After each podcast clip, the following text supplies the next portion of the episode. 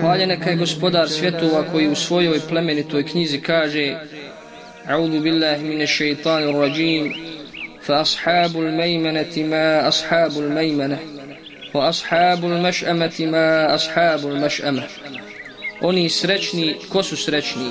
A oni nesrećni, ko su nesrećni? Jedno pitanje koje se postavlja većini ljudi Ali odgovor na to pitanje većina ljudi i ne poznaje šta je istinska sreća.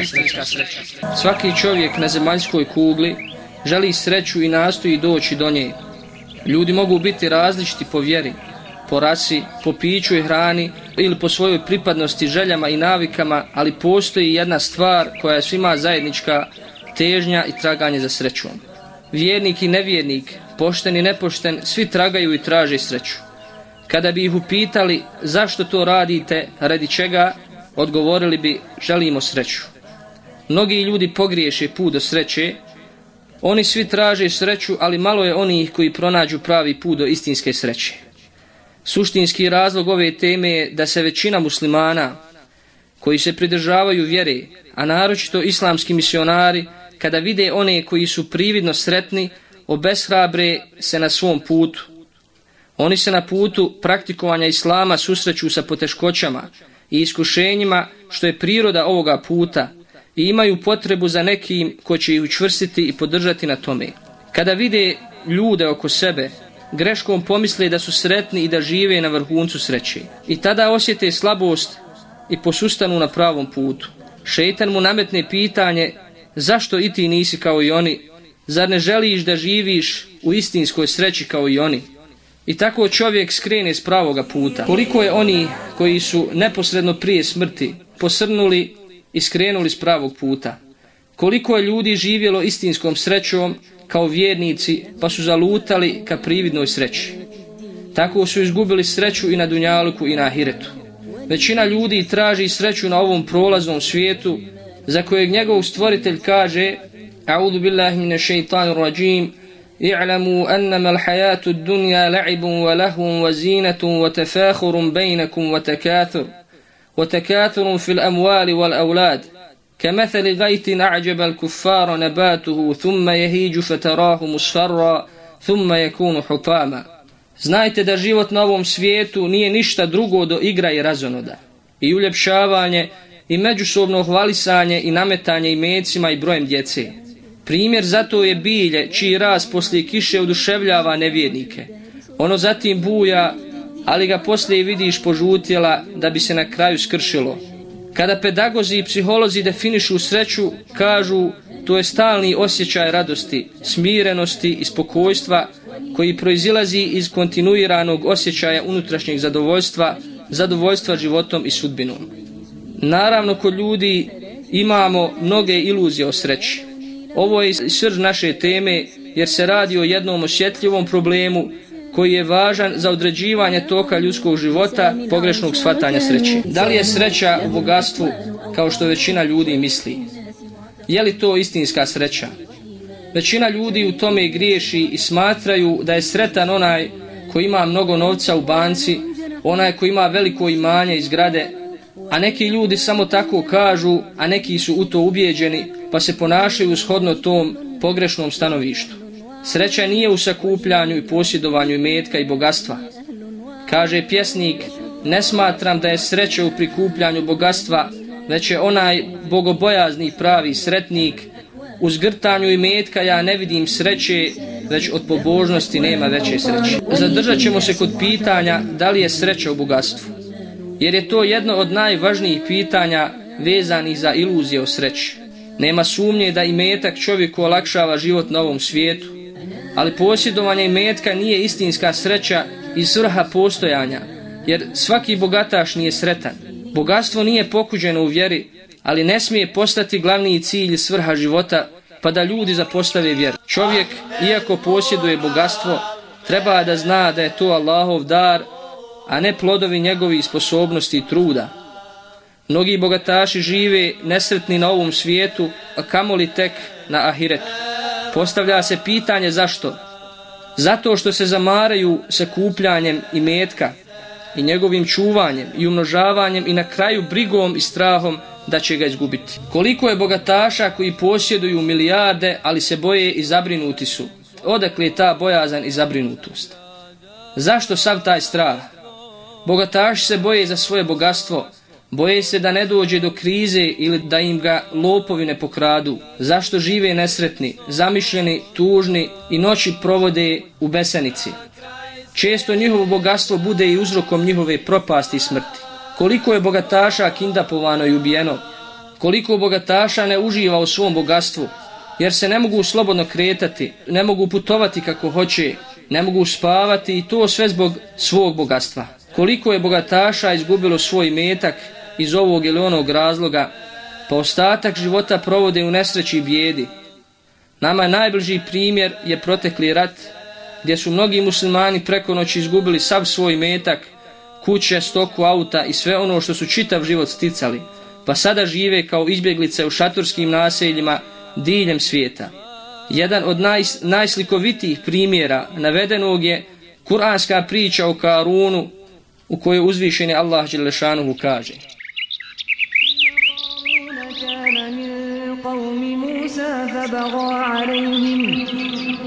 وآتيناه من الكنوز ما إن مفاتحه لتنوء بالعصبة أولي القوة.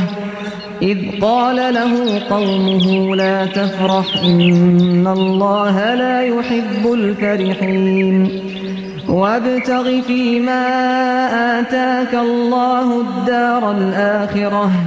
ولا تنس نصيبك من الدنيا وأحسن كما Kaže uzvišeni Allah Đelešanuhu, Karun je iz Busaova naroda bio, pa ih je tlačio, a bili smo mu dali toliko blaga da mu je ključeve od njega teško mogla nositi gomila snažnih ljudi. Ne budi objestan, jer Allah ne voli one koji su objesni. Govorili su mu ljudi iz naroda njegova. I nastoj da time što ti Allah dao stekneš onaj svijet, a ne zaboravi ni svoj udio na ovom svijetu i čini drugima dobro, kao što je Allah tebi dobro učinio. I ne čini nered po zemlji, jer Allah ne voli one koji nered čine. Ovo što imam stekao sam znanjem svojim, tako ja mislim govorio je on. A zar nije znao da je Allah prije njega već uništio neke narode koji su bili od njega jači i koji su bili više nakupili, a zločinci neće o grijesima svojim ni ispitivani biti. I iziđe on pred narod svoj u svom sjaju, ah, da je i nama ono što je dato Karunu, govorili su oni koji su čeznuli za životom na ovom svijetu. On je uistinu presrećan. Teško vama govorili su učeni, onome koji vjeruje i dobra djela čini, bolje je Allahova nagrada, a bit će samo strpljivima pružena. I mi smo i njega i dvorac njegovu zemlju utjerali i nikoga od Allahove kazne nije mogao odbraniti, ani sam sebi nije mogao pomoći.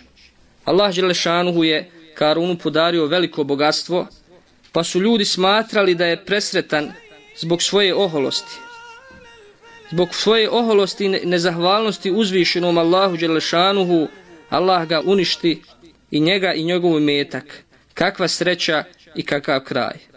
Loše li je bogatstvo od kojeg njegov vlasnik nema nikakve koristi. Također jedan od primjera i slučaj čovjeka koji se spominje u suri El Kehf. Kaže uzvišeni Allah Đelešanuhu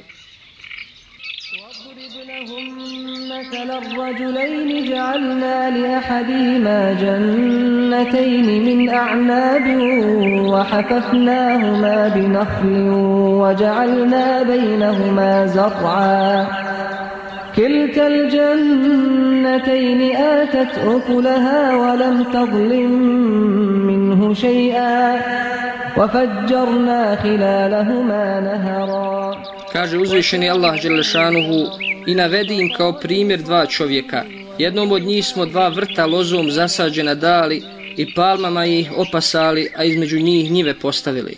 Oba vrta su davala svoj plod, ničega nije manjkalo, a kroz sredinu njihovu smo rijeku proveli. On je i drugog imetka imao i reče drugu svome. Dok je s njim razgovarao, od tebe sam bogatiji i jačijeg sam roda. I uđe u vrt svoj nezahvalan gospodaru svome na blagodatima govoreći, Ne mislim da će ovaj ikada propasti. I ne mislim da će smak svijeta ikada doći. A ako budem vraćen gospodaru svome, sigurno ću nešto bolje od ovoga naći. I reče mu drug njegov dok je s njim razgovarao, za ne vjeruješ u onoga koji te od zemlje stvorio, zatim od kapi sjemena i najzad te potpunim čovjekom učinio. Što se mene tiče, on, Allah, moj gospodar, ja gospodaru svome, ne smatram ravnim nikoga. A zašto nisi, kad si u vrt svoj ušao, rekao, maša Allah, moće samo u Allaha, ako vidiš da je u mene manje blaga i manje roda nego u tebe. Pa gospodar moj, može mi bolji vrt od tvog dati, a na tvoj nepogodu s neba poslati, pa da osvane samo klizava ledina bez ičega.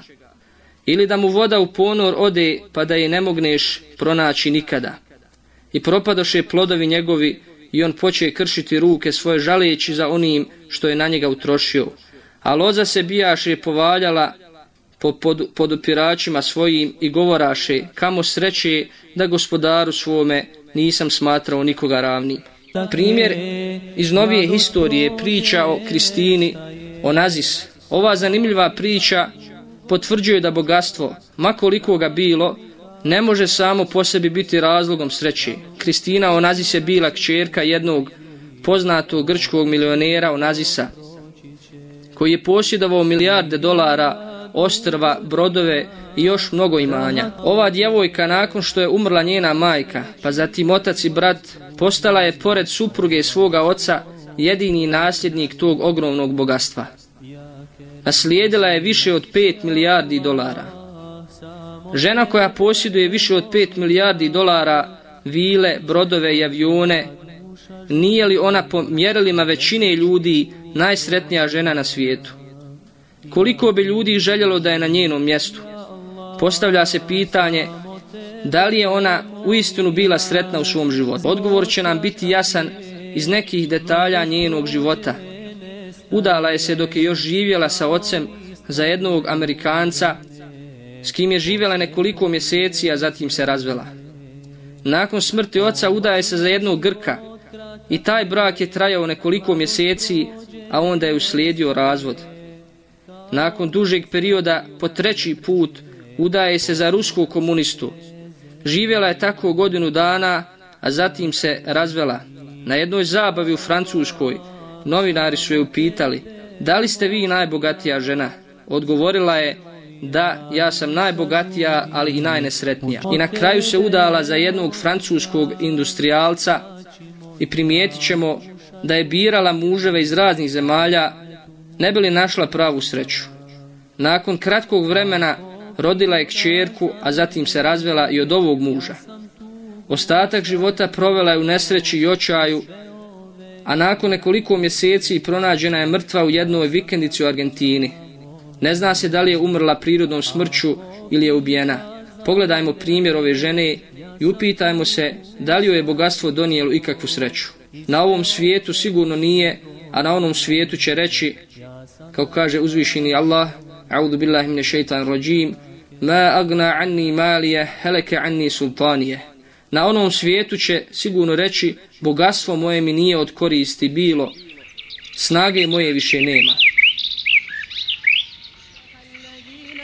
تمنوا مكانه بالأمس يقولون يقولون ويك أن الله يبسط الرزق لمن يشاء من عباده ويقدر لولا أمن الله علينا لخسف بنا ويك أن Također se postavlja pitanje da li je sreća u slavi.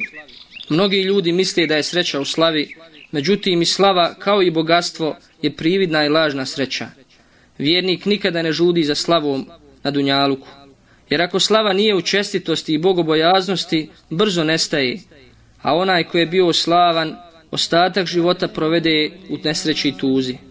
Mnogi misle da su sportaši, glumci i pjevači sretni ljudi, pa da razmotrimo to pitanje. Sportaši, većina njih živi nesretno, život im se sastoji od stalnih putovanja, tako da im ostaje vrlo malo vremena za porodicu. Većina ih je prisiljena da napusti školu da bi se mogli potpuno posvetiti sportu. Osim toga, pred svaku utakmicu je prisutna nervoza, potištenost nakon svakog poraza, povrede koje ih stalno prate, kao i strah od toga kakvo će mišljenje imati publika i novinari ako dođe do pada njihove popularnosti. I ako dođe do toga, Dakle, ljudi ih veoma brzo zaborave. Dakle, makar to ljudi mislili, sreća nije u sportu. Glumci i pjevači, njihov život je najgori život kojeg čovjek može zamisliti. Porodični neuspjeh, droga, nemoral, bestidnost i bešćaše su njihova svakodnevnica.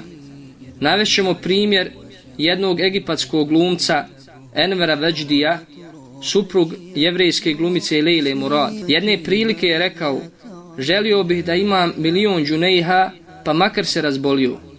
Lejla mu je na to rekla, šta ti vrijedi novac ako te zadesi bolest? A on reče, jedan dio bih dao za liječenje, a sa onim preostalim bi sretno živio. Stekao je i više od milion džunejha, ali Allah Đelešanuhu mu je dao da se razboli od karcinoma jetre. Potrošio je više od milion džunejha na liječenje, ali nije našao sreću, na kraju je umro očajan i istrpljen bolešću. Da li je sreća u diplomi i zvanju? Možda se sreća stiče dobitkom najvećih diploma i zvanja, doktora, profesora, akademika i ostalih titula. Zasigurno ne. Evo jednog primjera o kome su pisale novine. Jedna doktorica medicine izjavljuje, uzmite moje diplome, a dajte mi muža. Ova doktorica je nesretna jer živi sama, bez muža u svojoj 30. godini. Ta doktorica kaže, svako jutro u 7 sati, to je doba koje me uznemiruje i tjera na plać. Zašto? Sjedam u auto i vozim se prema svojoj ambulanti, ili bolje rečeno svom grobu, svojoj tamnici. I kada stignem tamo, zateknem žene sa djecom koje me čekaju, gledajući u moj bijeli mantil, kao da je perzijski svileni ogrtač, a on je u stvari za mene moja crnina. Sada već treća decenija moga života samo mi donosi nesreću. Uzmite moju diplomu, uzmite lažnu sreću i dajte mi da čujem riječ, mama. Da li je sreća u položaju? Možda su sretni ljudi, oni na visokom položaju, kao presjednici, ministri i ostali. Ali ne, postavlja se pitanje zašto. Zato što je odgovornost veoma važna stvar na ovom svijetu. I ako čovjek nije sposoban da je ispuni, onda slijedi kajanje i očaj na sudnjem danu. Onaj ko je na visokom položaju ili vlasti, u stalnoj brizi, bojeći se da je ne izgubi. A ako je izgubi, a to se jedno mora desiti, ostatak života provede u očajanju. Položaj može biti i uzrok čovjekove propasti. Često oni koji su na visokom položaju budu osramoćeni nakon što se otkrije da su učestvali u nekoj aferi i korupciji vlasti, pa do kraja života u narodu slove za lopove. Najslikovitiji primjeri su nam kuranska kazivanja o faraonu i Hamanu. To je dakle prividna sreća i njeni primjeri za koji ljudi misle da je stvarna. Većina ih u prvi mah pomisli da su sretni a oni u stvari žive u agoniji patnje, očaja i nesreće. Najočitiji primjer prividne sreće jeste Evropa i Amerika, gdje ljudi žive u bogatstvu, blagostanju i izobilju, ali su droga, prostitucija, alkohol i samoubistva postali sastavni dio njihovog života. To su nacije koje doživljavaju moralni krah i idu ka sigurnoj propasti. Nakon svih ovih primjera, postavlja se pitanje gdje je onda prava sreća i šta su njeni uzroci. Kakve osobine imaju oni koji uživaju istinsku sreću? Koji su putevi i uzroci sreće? Za onoga ko želi sreću, a ne ide pravim putem, koji do nje vodi i pjesni kaže Nadaš se spasu, a stazama njegovim ne ideš, pa zaista lađa po suhom ne plovi. Najvažniji put ili uzrok sreće je vjerovanje u uzvišenog Allaha Đelešanuhu i činjenje dobrih dijela. Kaže uzvišeni Allah Đelešanuhu, A'udhu billahi mine šeitanu rajim, Man amila salihan min zekarin av untha, wa huwa فلنحيينه حياة طيبة hayatan أجرهم بأحسن ما كانوا ajrahum bi ahsani ma kanu. Onome ko čini dobro djelo, bio muškarac ili žena, a vjernik je, mi ćemo dati da proživi lijep život, i doista ćemo ih nagraditi boljom nagradom nego što su zaslužili. To jest živjeće sretnim životom na ovome svijetu. Prenosi Abu Jahja Suhejb ibn Sinan radijallahu anhu da je Allahu poslanik sallallahu alaihi ve selleme rekao čudno li je stanje vjernika? Sve što mu se desi za njega je dobro a to je svojstveno samo vjerniku mu'minu. Ako ga zadesi kakvo dobro on zahvaljuje Allahu dželešanuhu i to bude dobro po njega. A ako ga zadesi kakva nevolja on se strpi i opet bude dobro po njega. Hadis bilježi muslim. Poslanik sallallahu alaihi ve sellem je svoj mir i zadovoljstvo nalazio u namazu i pokornosti Allahu Đelešanu.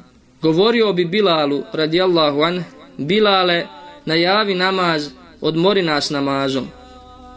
Nažalost, danas većina ljudi traži svoj smira i zadovoljstvo u kafani, sa pjevačicama, u bludu i bestidnosti, a za namaz za koji poslanik sallallahu alaihi ve selleme kaže moja radost je u namazu, oni nemaju ni malo vremena. Navešćemo jedan živi primjer kako iman vjernicima daje osjećaj sreće u svim situacijama. Ibn Taymije, rahimahullah, šehol islam, bio je proganjan, zatvaran i mučen.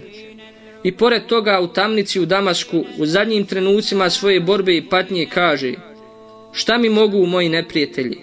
Kad je džennet u mojim prsima, ako umrem, on je sa mnom. Zatvor mi je osamnjivanje sa mojim gospodarom, ako me ubiju, to mi je šehadet, ako me protjeraju, to mi je turizam. Drugi uzrok sreće je vjerovanje u sudbinu i Božije određenje, bilo dobro ili zlo. Sve od uzvišenog Allaha Đelešanuhu i znaj da ono što je te zadesilo nije te moglo mimojići, a ono što je te mimojišlo nije te moglo ni zadesiti.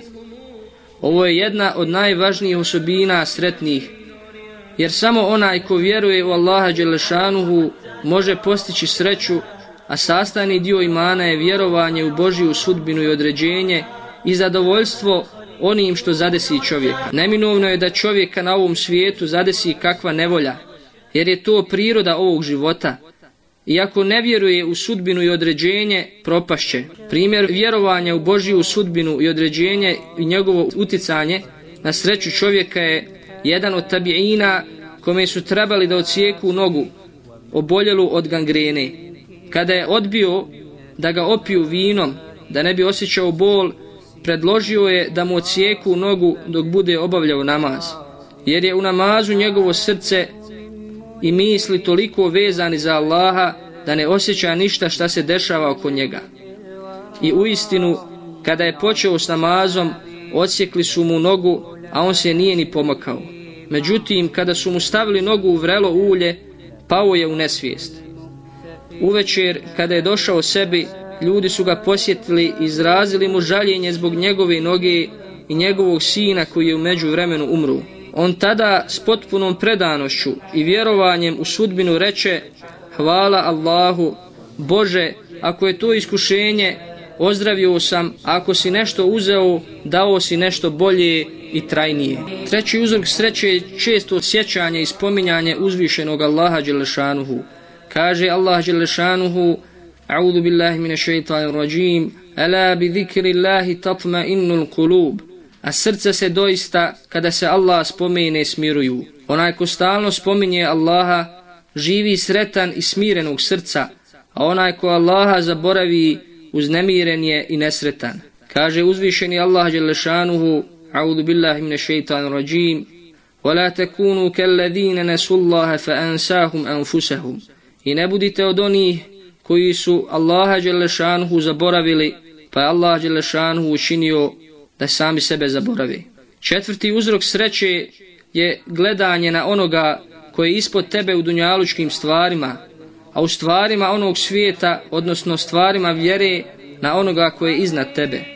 Kaže Allahu poslanik sallallahu alaihi ve sellem, gledajte onoga ko je na nižem položaju od vas, a ne gledajte onoga ko je na višem položaju od vas.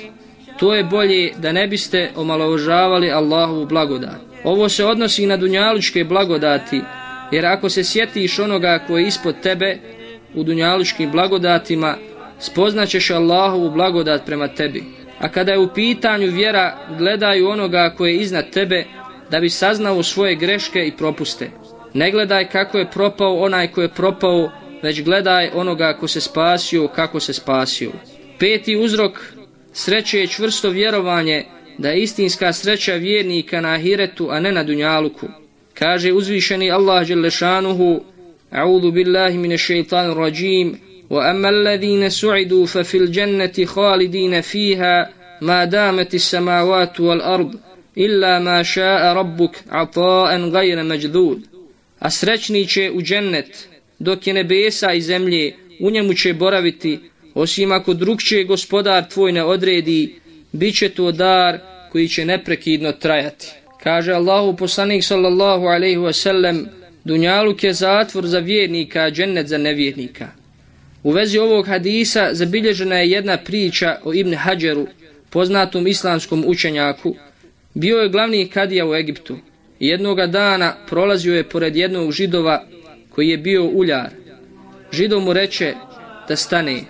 Kada je Ibn Hajar stao ovaj ga upita, kako tumačiš riječi vašeg poslanika, Dunjaluk je zatvor vjerniku, a džennet nevjerniku.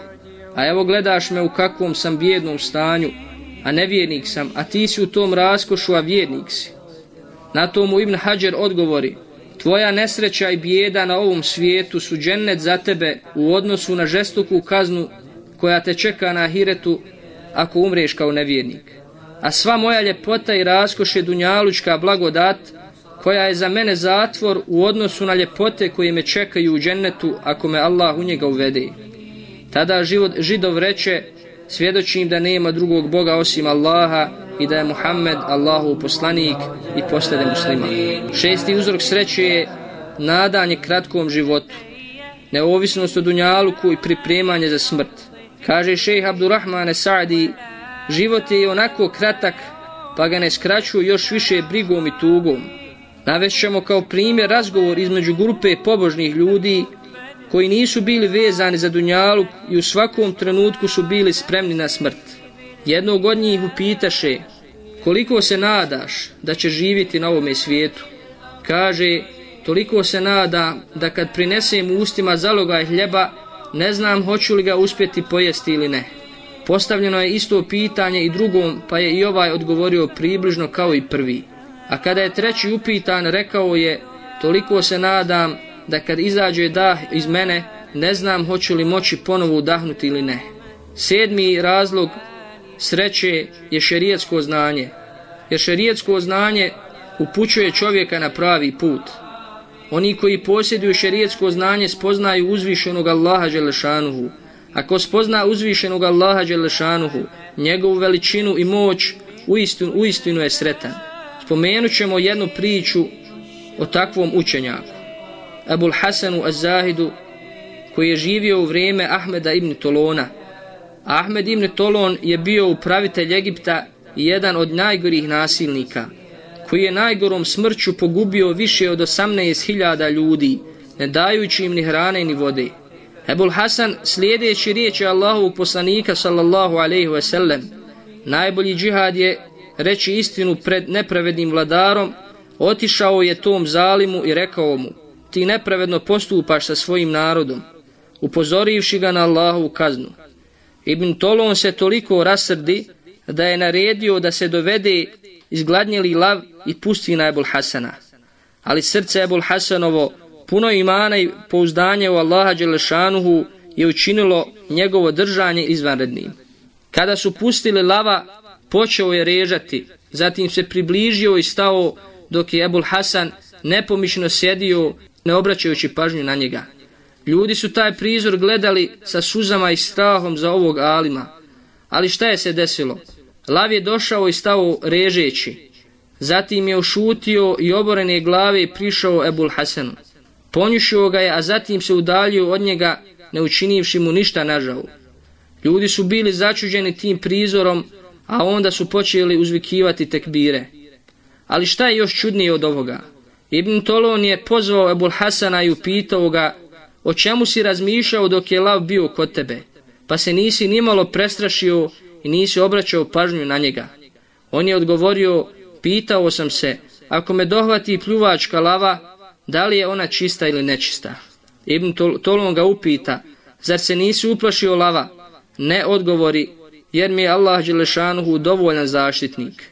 Ovo je istinska sreća koju donosi iman i korisno znanje I to je zadovoljstvo za kojim svi ljudi tragaju. Sljedeći uzrok sreće je da znaš da ako ti ljudi nanesu nepravdu, to je dobro po tebe, a loše po njih. Ibrahim Etejmi kaže, kada mi neko nanese nepravdu, ja se sažalim nad njim. Prenosi se da je Ibn Tejmi nekoliko ljudi, među kojima su jalimi, učinilo nepravdu, te da je zbog njih bio zatvoren u Aleksandriji. Kada je bio oslobođen, pitali su ga, želiš li se osvetiti onima koji su ti učinili nepravdu? Odgovorio je, opraštam svakome ko mi je učinio nepravdu. Oprostio je svima, jer zna da je to sreća za njega na ome i na onome svijetu. El Fadl ibn Iyad, Allah mu se smilovao, priča da je bio u Harim šerifu, pa je došao jedan horosanac, plaćući. Pitao ga je, zašto, zašto plaćeš? Odgovorio je, ukradeno mi je nekoliko dinara. Plaćeš zbog para, upita ga. Horosanac odgovori, ne, nego zato što znam da ćemo ja i taj kraljevac stati pred Allaha Đelešanuhu, pa sam se sažalio nad njim. Jedan pravovjerni je saznao da ga je neki čovjek ogovorio. Potražio jedan lijep, odgovarajući poklon i odnio ga tom čovjeku. On ga je upitao za razlog donošenja poklona, a pravovjerni je odgovorio, Muhammed sallallahu alaihi wasallam kaže, ko vam učini neko dobro, nagradite ga. Ti si meni poklonio svoje selape ogovarajući me, pa ja nemam drugog poklona za tebe osim dunjalučkog. Neka je hvaljen uzvišeni Allah Đelešanuhu. Također lijepa riječ i uzvraćanje zla dobrim bivaju uzrokom sreće na dunjaluku. Kaže uzvišeni Allah Đelešanuhu, dobro i zlo nisu isto, zlo dobrim uzvrati, pa će ti dušmanin tvoj odjednom prisni prijatelj postati. Dobro razmisli, dragi brate muslimanu, u ovoj, ovoj veličanstvenoj Božjoj poruci. Opisujući one koji vjeruju uzvišeni Allah Đelešanu, kaže i koji prolazeći pored onoga što ih se ne tiče, prolaze dostojanstveno. Također, od uzroka sreće je traženje zaštite od Allaha Đelešanuhu i često učenje dova, Ovo je jedna od preporuka je vasijeta Muhammeda sallallahu alaihi ve sellem. Evo nekih od ova koje je učio Allahu poslanih sallallahu alaihi ve sellem. Kaže, Bože, popravi mi moju vjeru koja je bit moja. Popravi mi ovaj svijet na kojem živim. Popravi mi onaj svijet kome se vraćam. Učini da mi moj život bude povećanje u svakom dobru, a moja smrt mir i spas od svakog zla. Bože, nadam se Tvojoj milosti, Nemoj dati da se oslonim na sebi ni na trenutak. Popravi čitav moj posao, nema drugog Boga osim tebe. Bože, utječem ti se od brige i žalosti, od straha i škrtosti, od toga da me ne savlada dug i da me ne nadvladaju ljudi. I na kraju pozivamo sve muslimane i one koji to nisu da krenu istinskim putem sreće, da slijede put oni koji su istinski sretni i da žive lijepim i korisnim životom, daleko od nesreće i razočarenja, a to se može postići istinskim vjerovanjem uzvišenog Allaha Đelešanuhu i sprovođenjem principa Islama praktično u svakodnevnom životu. Nemojmo nasjedati obmanama zapada i nemojmo slijediti put onaj koji nam oni nude. Dovolja nam je Allah i dovolja nam je Islam kao put prosperiteta. Kaže uzvišeni Allah Đelešanuhu Onome ko čini dobro, bio muškarac ili žena, a vjernike, mi ćemo dati da proživi lijep život i doista ćemo ih nagraditi boljom nagradom nego što su zaslužili. Molimo Allaha Đelešanuhu da popravi stanje muslimana i na kraju neka je hvala Allahu Đelešanu gospodaru svjetova i neka je salavat i selam na našeg vjerovjesnika Muhammeda sallallahu alaihi wasallam.